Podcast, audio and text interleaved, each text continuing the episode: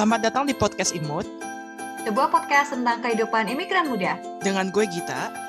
Dan gue Tias.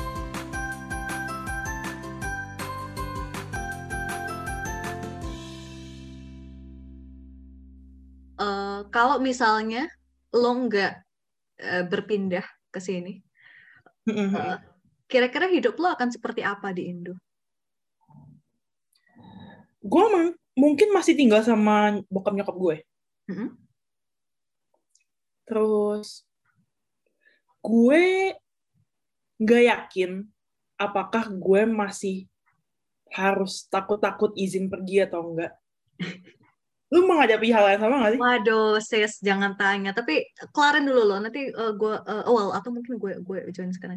Gue em, emak gue itu sangat strict dengan curfew. Kayak eh, bahkan buat hitungan masih tinggal sama ortu aja curfew gue waktu tinggal waktu gue di Jakarta tuh aduh Gusti.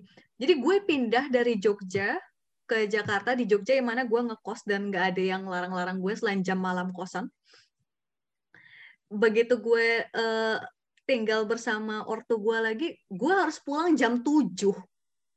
Umur Itu- berapa tuh? Tahun berapa itu ya? Gue umur 21. Hmm.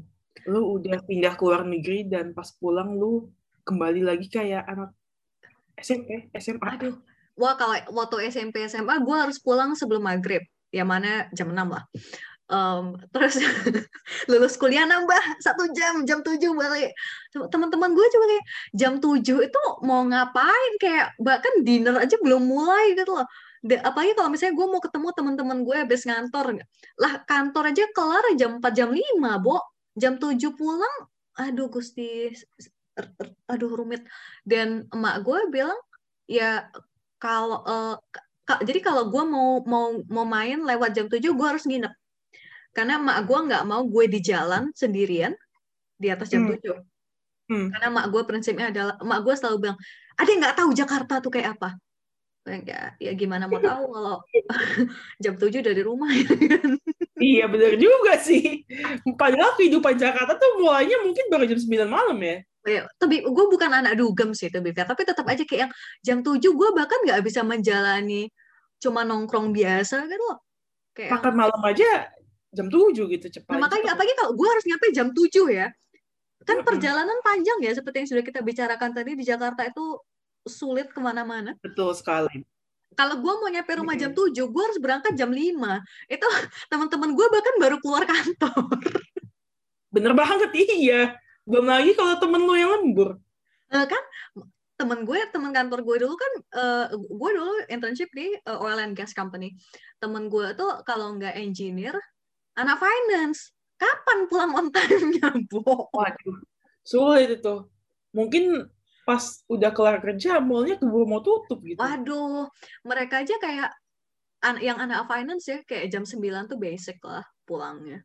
Kayak di hari kami cuma eh, waktu itu mau hari apa ya? Gue inget kayak eh, itu antara malam Natal atau malam Tahun Baru. Jadi kayak di eh, kerjanya cuma setengah hari karena karena buat mengantisipasi macet. Nah, pas Hmm. gue nanya sama temen gue yang anak finance, hari ini kerja setengah hari kalian pulang jam berapa? Oke, ya jam 5 lah. itu bukan setengah hari. Hmm. Wah, gila Itu ya. jauh. Kerja di oil and gas ya. Wah, tapi ya nggak tahu sih itu apakah semua oil and gas begitu atau itu kantor gue dan to be fair eh, itu eh, gue kerja di sana kayak hampir tujuh tahun yang lalu. Em, Oke, Eh, sorry kembali ke yang tadi. Jadi lo bilang lo lo mungkin masih akan tinggal bersama ortu lo dan agak yang eh apakah gue harus kayak yang bu kita mau main eh, atau apa gitu. Dan yang satu lagi apa? Satu lagi gue pikirin tuh adalah mungkin ada beberapa hal yang gue tidak bisa lakukan di Indonesia karena gue merasa lebih sulit dalam mengepresi- mengekspresikan diri gue. Misalnya apa tuh? Oke, mungkin kalau jujur gue mungkin harus menggunakan segmen yang terpisah untuk menjelaskan lebih detail gitu. Karena ini kan hubungannya dengan hal yang baik dan buruk dan baik buruk dan mungkin ada yang sensitif juga. Tapi simple kayak say hmm, ini agak sulit juga. Kayak misalnya memahami budaya budaya yang berbeda gitu. Nggak harus menyetujui apa nggak harus menyetujui atau menjalankan gitu tapi dengan tinggal di luar negeri gue jadi bisa memahami dan uh, toleran dengan orang-orang yang punya jalan hidup atau uh, apa ya pandangan yang berbeda-beda gitu misalnya dengan isu mengenai um, gay, lesbian, hetero, seksual. Menurut gue di Indonesia masih hal banyak isu ini menjadi apa ya sangat sensitif karena banyak orang yang garis keras punya satu pandangan, ada juga yang garis keras punya pandangan yang lain gitu. Tapi di sini karena banyak orang yang um, well mengklaim dia gay, lesbian atau biseksual, jadi ini merupakan bagian dari hidup kita juga gitu. Jadi orang-orang seperti ini di sini tuh emang sudah dibiasakan untuk ya hidup seperti kita gitu. Nggak harus menghadapi diskriminasi segala dan hal-hal yang tidak seharusnya mereka hadapi gitu. Walaupun mungkin ini tidak 100% benar adanya juga gitu di di UK yang gue alami sekarang gitu ya. Mungkin ada juga diskriminasi, tapi yang gue lihat diskriminasinya tidak sebesar yang ada di Indonesia gitu. Yang ada malah kita yang kena diskriminasi jadi ya karena karena because we're not white. ya, ya itu juga. Walaupun gue sebenarnya kalau secara umum di lingkungan yang gue berada selama 6-7 tahun ini, gue merasa gue belum pernah sih menghadapi diskriminasi yang signifikan ya. Maksudnya mm-hmm. dalam uh, studi gue maupun kuliah gue gitu. Tapi ya itu lo ada benernya juga. Dan apa ya tentang kehidupan beragama gitu. Karena Indonesia memang punya apa ya kepercayaan terhadap agama yang begitu kuat kan ya secara pancasila ketuhanan yang maha esa gitu jadi waduh udah bawa pancasila nih semua orang memang harus punya agama dan keyakinan. Kalau menurut pancasila kan hmm. itu yang uh, eh, gue pahami ya tentang itu. Mungkin orang lain ada yang punya pemahaman berbeda tapi minimal yang gue pahami tentang Indonesia dari pancasilanya adalah itu. Tapi di Inggris, maksudnya ya minimal yang gue tahu ya tidak semua orang punya di, agama minimal tidak diharuskan ya punya agama gitu. Dan gue tidak harus gue tidak harus berpikir oh berarti gue sebenarnya nggak harus punya agama dong. Tapi paling enggak gue melihat itu oh ternyata di dunia ini tuh ada juga orang yang tidak punya agama dan it's okay gitu. Gue setuju sih kayak dulu uh, uh, dulu karena gue uh, SD SMP gue di sekolah Islam ya. Dan uh, gue juga di uh, gue juga dibesarkan dengan uh, terutama uh, bapak gue tuh uh, sangat kencang gitu uh, agamanya gitu. Jadi dulu gue tuh selalu gue tuh berpendapat bahwa oh kalau orang yang uh, tidak peduli agama agama apa pun itu itu orang nggak bener atau kayak like atau kayak tidak tidak tidak sebaik orang-orang yang agamanya kenceng gitu. Um, tapi ya kenyataannya enggak gitu enggak yang aga, agama itu adalah kayak well ini ini mungkin topik buat di hari lain ya. Tapi iya sih di sini lu lu melihat orang-orang dari yang uh, gue ada beberapa kenalan gue yang juga kayak muslim taat atau kristen taat gitu di Belanda. Tapi ya juga banyak banget yang agnostik atau ateis gitu. Dan dan um, kepercayaan mereka akan agama itu tidak membuat uh, um, tidak well yang religius tuh nggak lebih oke okay dari yang enggak gitu. Dan mereka juga ya dan uh, minimal teman-teman gue di sini kenalan-kenalan gue di sini yang religius tidak menganggap orang-orang yang tidak religius atau tidak beragama atau uh, ateis itu mereka nggak merasa kayak oh there's a like I'm better than these people. Gue tidak hmm. melihat ada attitude seperti itu gitu. Um, jadi uh, jadi jadi uh, kira uh, tapi kalau uh, itu kan tadi yang lo omongin agak-agak negatifnya ya kalau misalnya lo masih stay di Indo. Tapi uh, menurut lo ada nggak sesuatu yang mungkin akan lebih menyenangkan uh, dari hidup lo kalau lo stay di Indo instead of pindah ke UK? Gue tadinya mau bilang kalau tinggal di Indo, gue masih bisa bergabung, bisa ting apa ya lebih banyak spend waktu sama keluarga gue gitu. Mm-hmm. Tapi jujur, gue tuh justru lebih mengapresiasi waktu gue bersama keluarga tuh khususnya ya setelah gue pindah ke luar negeri gitu. Mm-hmm. Karena ya pas di Indo gue maksudnya terus-terusan tinggal sama orang tua gue kan jadi hal-hal yang kecil tuh bisa jadi argumen gitu sedangkan kalau udah tinggal jauh sama orang tua ya udah karena ketemu selama ini kan gue paling video call sama orang tua gue seminggu sekali gitu. Jadi gue lebih mengapresiasi waktu itu gitu. Jadi dan, uh, dan uh, tinggal terus-terusan bareng itu kan juga bukan berarti terus lo berkomunikasi atau kayak yang actively uh, spending time together gitu kan ya kan. Kayak uh, tinggal bersama ortu terus-terusan itu juga uh, bisa jadi kayak waktu yang lo habiskan bersama mereka tuh jadi pasif gitu kan. Cuma kayak lo existing in the same house tapi kayak misalnya yeah. lo di kamar nonton drakor uh, bokap lu nonton apaan di ruang tengah mm -hmm. uh, adik lo main game gitu Gue nggak tahu yeah. nyokap lo biasanya ngapain di rumah. nyokap gue tidur mungkin ya. Nah kan, jadi kan Dia kayak capek di soalnya. Capek, uh, uh, serumah itu nggak serumah dan deket deket geographically itu nggak menjamin um, lo bakal menghabiskan atau kayak waktu lo bakal lebih bermakna gitu ya sama keluarga. Gue setuju. Tapi satu lagi yang satu lagi yang gue pikirin adalah mungkin kalau tinggal di Indonesia yang tadi kan lu nanya hal positifnya. Hmm. Gue lebih ada kesempatan untuk berkontribusi ke Indonesia kepada Indonesia secara langsung gitu. Hmm. Karena sebenarnya waktu itu gue mikir gue tuh pengen alasan gue ingin menjadi insinyur teknik sipil tuh karena gue ingin berkontribusi untuk negara. Gue pengen membangun infrastruktur yang diperlukan di Indonesia gitu, Mem membuat apa ya?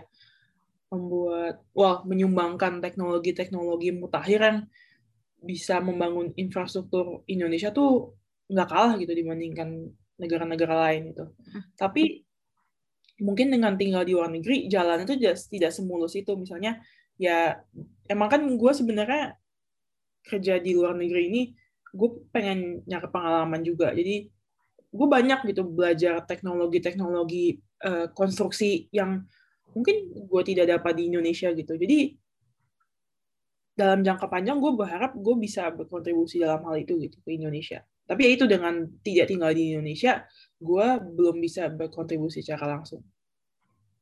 Gue inget dulu lo uh, pas mau pindah ke UK, gue inget lo masih ngomongin lo pengen pulang bangun jembatan di Indonesia, jembatan nah, apa pun.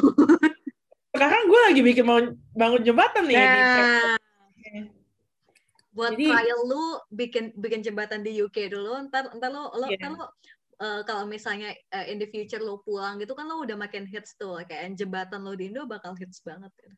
Minimal gue tahu jembatan yang di sini gue bangun tuh kokoh gitu. Jadi gue bisa bikin di Indonesia gitu. Yoi. tapi ternyata gue konsisten ya dengan cita-cita gue waktu dengan cita-cita jembatan lo lo lo sungguh konsisten sis. Konsisten emang gue ternyata proyek mau di sini bangun jembatan juga atau ngapain? Belum tahu nih tapi gue emang di proyek ini bikin beberapa jembatan sih jadi hmm. itu minimal harus diselesaikan dulu karena sulit oh, ya ternyata yeah. mau jembatan gitu. Jangan well I mean gue nggak tahu sesulit apa karena again gue bukan gue bukan anak engineer tipe apa pun gue cuma melihat jembatan oh gede dan banyak besi dan segala macamnya kayaknya sulit gue nggak bakal bisa ngerjain but ya, that doesn't say anything ya Yoi. Yang penting gue bisa lewat situ dengan selamat. Yo, gitu. yang penting, yang penting kalau gue lewat dia nggak amblok, oh, dia nggak ambiar, gue nggak jatuh ke kanal atau ke sungai mana. Mm -hmm. Tips. Mm -hmm. Begitu ya. Gimana kalau gantian lu sekarang? Oh iya tentu saja sih, jangan khawatir. Um, apa ya? Mungkin gue mulai dari um, gue merasa kalau gue tinggal di kalau gue nggak nggak ke well kalau gue sekarang tinggal di Indonesia gue merasa mungkin gue akan lebih um, apa ya? In some parts gue akan lebih bahagia ketimbang gue tinggal di sini. Um, tapi gue tetap lebih memilih tinggal di sini untuk sekarang gitu lah. Karena uh, kayak uh, tadi udah gue udah bilang kayak teman-teman gue itu di sekarang semuanya di Indo. Dan walaupun gue sekarang juga alhamdulillah udah punya teman lagi di sini. Gue nggak sebatang kara gue juga kenal tuh beberapa. Yo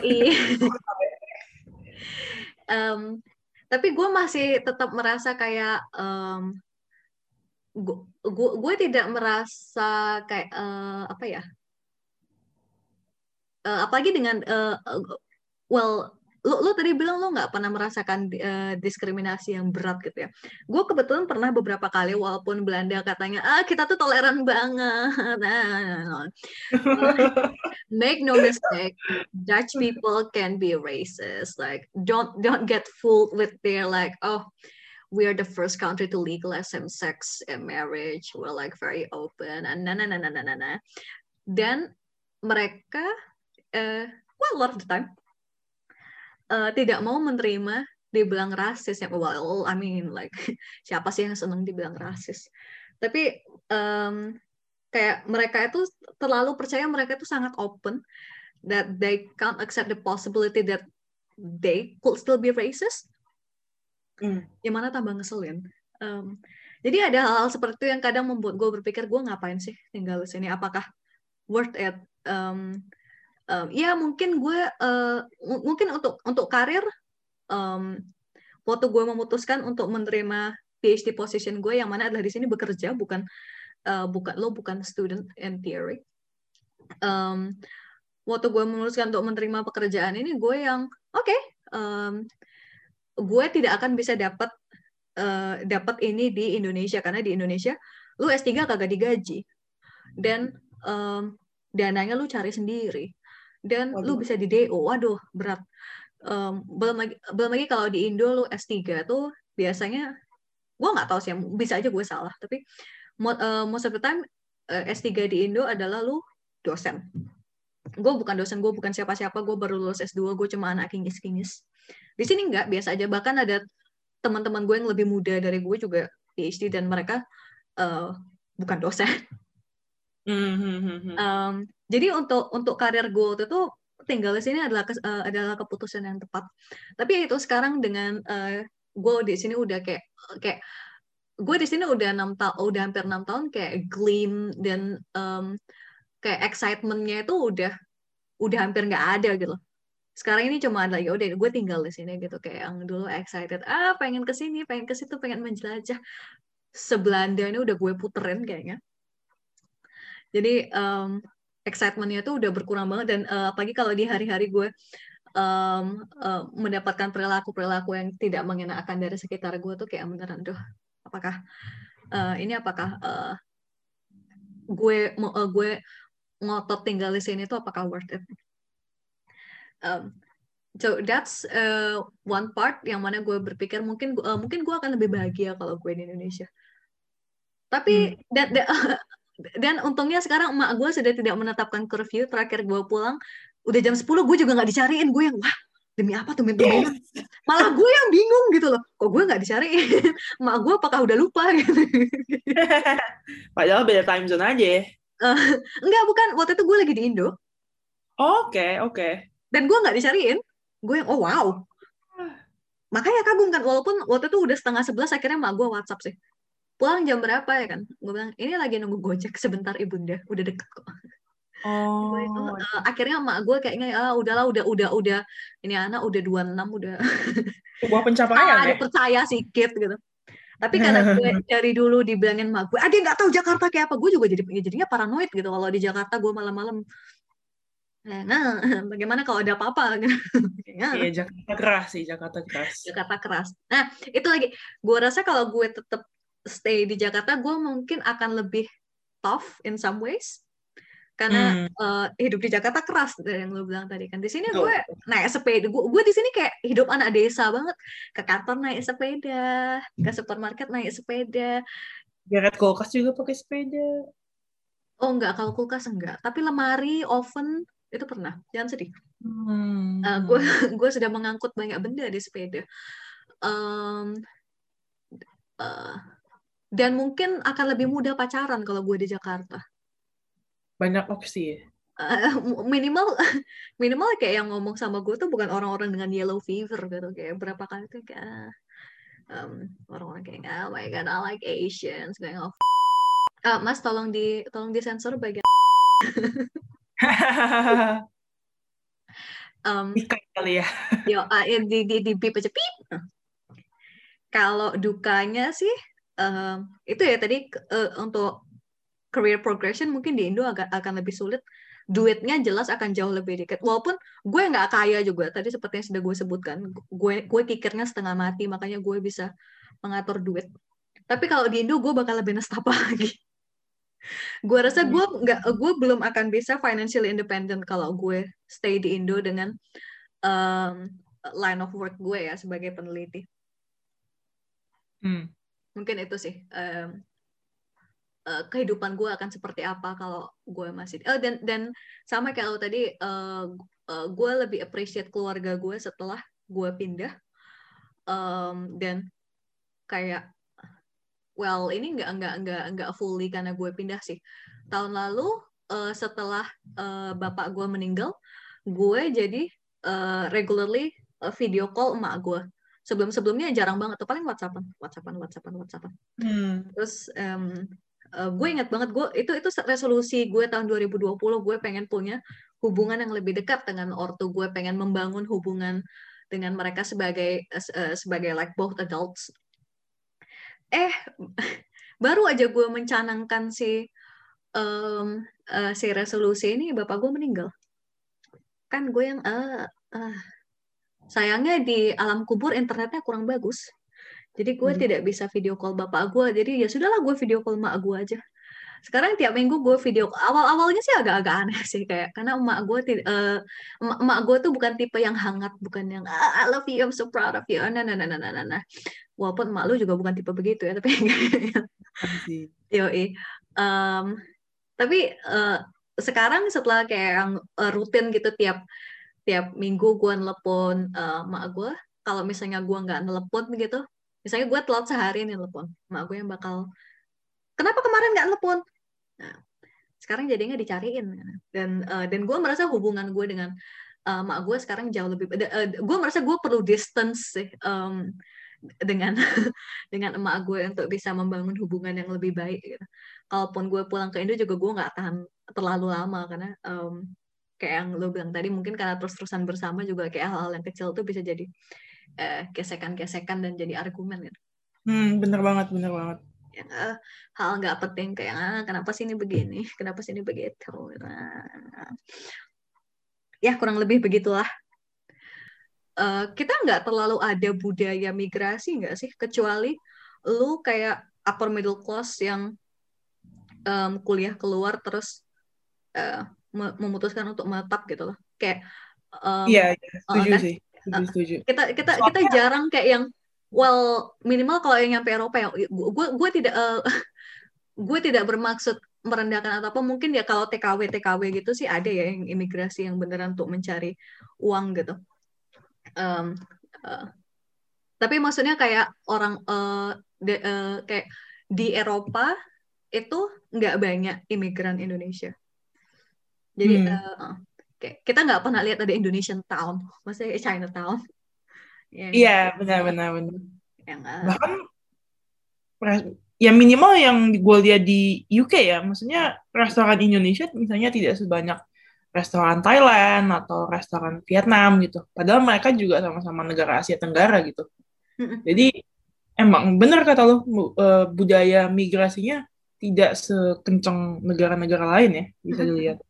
Kayak di Belanda walaupun orang Indonesia orang Indonesia atau turunan Indonesia itu banyak gue nggak pernah lihat tuh ada Indonesian town kayak yang ada sih Iya. kayak di di dekat eh, eh, di dekat tempat gue tuh ada eh, neighborhood yang em, eh, kayak mungkin pas zaman baru perang eh, zaman habis perang tuh itu adalah tempat-tempatnya orang Indonesia karena kayak jalan-jalannya tuh semua namanya kayak eh, Medan Strat atau kayak Bandung Strat gitu-gitu. Tapi sekarang ya Hmm, orang-orangnya udah berpindah di situ kayaknya nggak ada orang Indonesia di situ. bukan orang Bandung atau orang Medan lagi ya. Ah, per- pas pertama gue liat ada Medan Strat, gue tuh yang kayak yang ya ah ya ampun aku juga dari sini.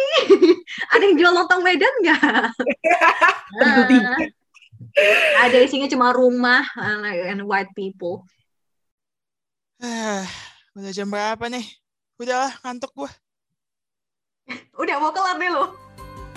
Baiklah Udah, kalau udah, gitu.